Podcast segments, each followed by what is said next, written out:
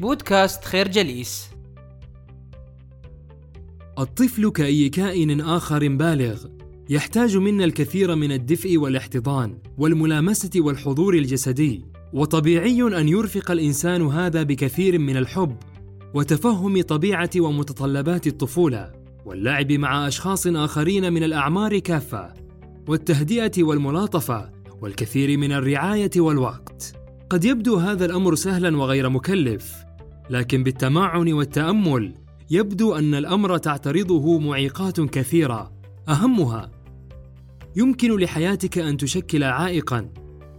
ظروفك ورعاية الأطفال والمال والمدرسة والعمل وضيق الوقت والمشاغل.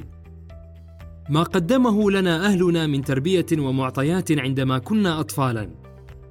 طريقة تنشئتنا وإرث التربية الذي نحمله معنا.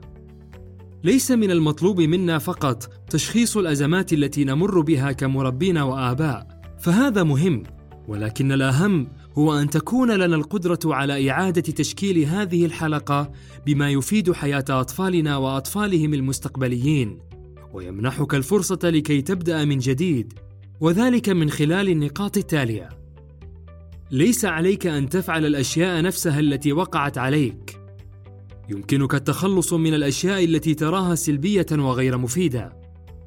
يمكن استرجاع طفولتك والتفكير في الأشياء التي حدثت لك وشعورك حيالها الآن. تقييم كل تلك الأشياء والتركيز على ما تحتاجه في مهمتك القادمة. الفكرة الطفل كأي كائن آخر بالغ يحتاج منا الكثير من الدفء والاحتضان. الطفل ابن بيئته الطبيعية التي ينشأ فيها وتحيط به من كل جانب. وتبدأ هذه البيئة بأفراد الأسرة التي يعيش وسطها. لذلك فإن قدرا كبيرا من الطريقة التي يشعر بها الأطفال حول أنفسهم والكيفية التي يتفاعلون بها مع الآخرين يستمدونها من الدائرة الصغيرة المحيطة بهم مهما كان أفراد هذه البيئة على وعي منهم بذلك أو لم يعوا. هذا يدفعنا كما تؤكد الكاتبة على أنه لا بد من الانتباه إلى سلوكنا في هذه العلاقات. فالمؤكد أن البيئة الأسرية تحديدا تترك أثرا بالغا على نمو شخصية الطفل وصحته العقلية. فالأطفال أفراد لكنهم جزء من نظام كامل أيضا. ولا تقتصر بيئة الطفل فقط على الأسرة بل تتجاوز ذلك إلى المدرسة أيضا وكذلك صداقاته الخاصة. والمهم في كل هذا الأمر هو أن ندرك أهمية المحيط. فننظر في هذا النظام وتحويله إلى البيئة الأفضل لك ولأطفالك. فالأشخاص الموجودين لهم أهمية كبرى في حياة الطفل. لماذا؟ لأنهم يشكلون العالم الذي يعيش فيه. ليمنعوا هذا أن يتحول إلى ساحة معركة. كي لا تنحرف الحياة العائلية إلى الحد الذي تصبح فيه ساحة معركة. لحفظ سلامة الأطفال وأمنهم وانتمائهم الفكرة البيئة المحيطة بالطفل تساعده على النمو السليم، لهذا وجب الانتباه إلى علاقاتنا.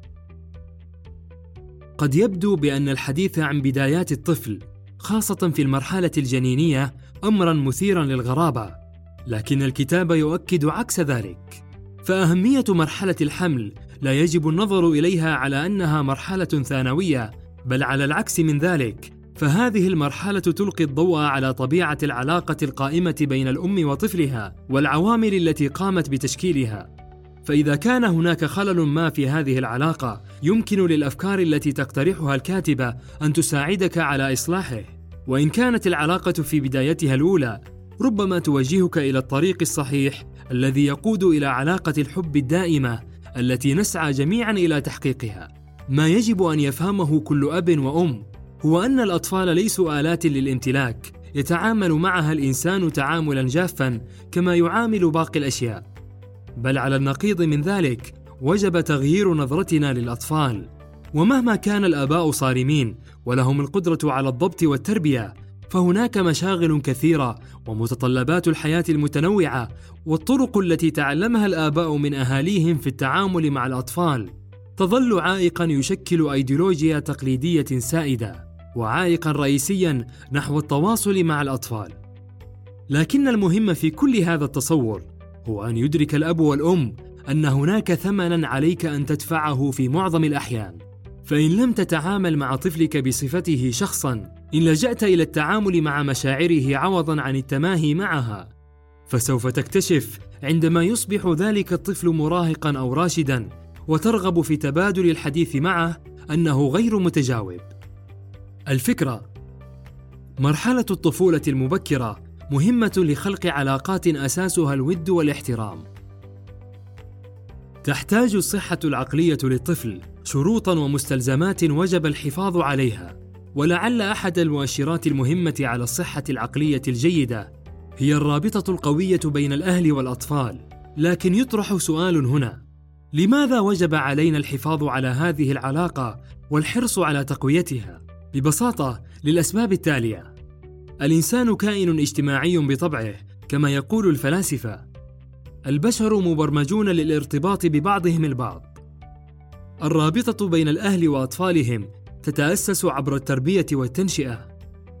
لقد تأكدنا الآن أن الرابطة بين الأهل والأطفال تعد شيئا مثمرا قدر الإمكان من شأنه أن يوفر الصحة والسعادة لكم ولأطفالكم معا. وإذا وصلنا إلى هذه النتيجة فلا بد من ملازمة الأطفال والوقوف إلى جانبهم وهم يختبرون مشاعرهم وأمزجتهم. عدم إشعارهم بالعزلة. أهمية التصاق الأطفال بأهلهم من الناحية الجسدية. الاقتراب عاطفيا من الطفل. التأثير المتبادل بين الأهل وأطفالهم. الرغبة في الحوار وسيادة منطقه. الفكرة الصحة العقلية تتطلب شروطا تبدأ بالارتباط الوثيق بين الأهل وأطفالهم. نشكركم على حسن استماعكم. تابعونا على مواقع التواصل الاجتماعي لخير جليس. كما يسرنا الاستماع لآرائكم واقتراحاتكم ونسعد باشتراككم في البودكاست.